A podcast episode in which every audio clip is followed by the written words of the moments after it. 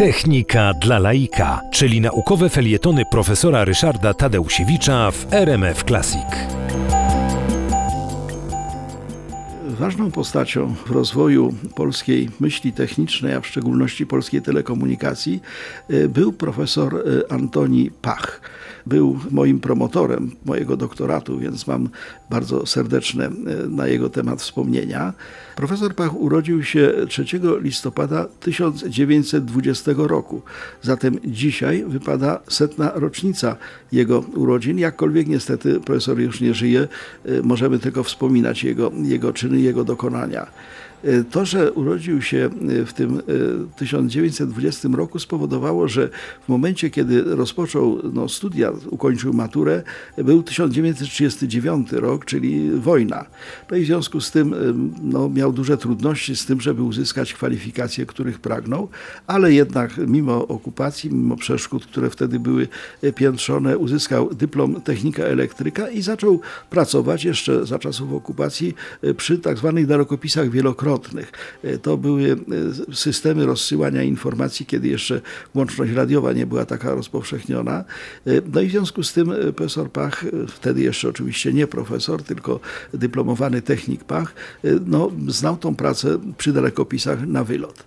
W momencie, kiedy Kraków został wyzwolony, przeniesiono go do Gliwic, dlatego że chodziło o to, żeby tam utworzyć właśnie taką placówkę, w której będą wykorzystywane najnowocześniejsze w czasie środki łączności, to znaczy te telekopisy wielokrotne.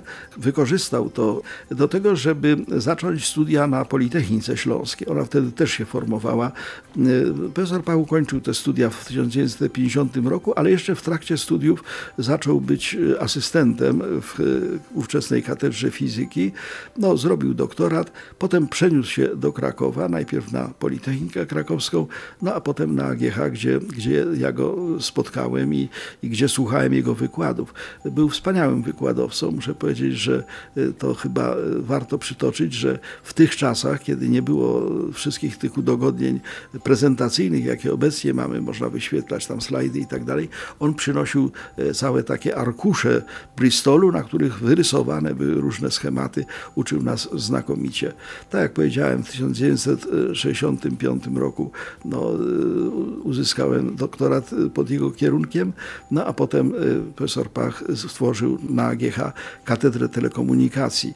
Y, te jego zasługi właśnie ze stworzeniem chyba najlepszej w Polsce Katedry Telekomunikacji uczczone zostały w ten sposób, że na AGH jeden budynek jest jego imienia. A dzisiaj, dzisiaj są jego setne urodziny.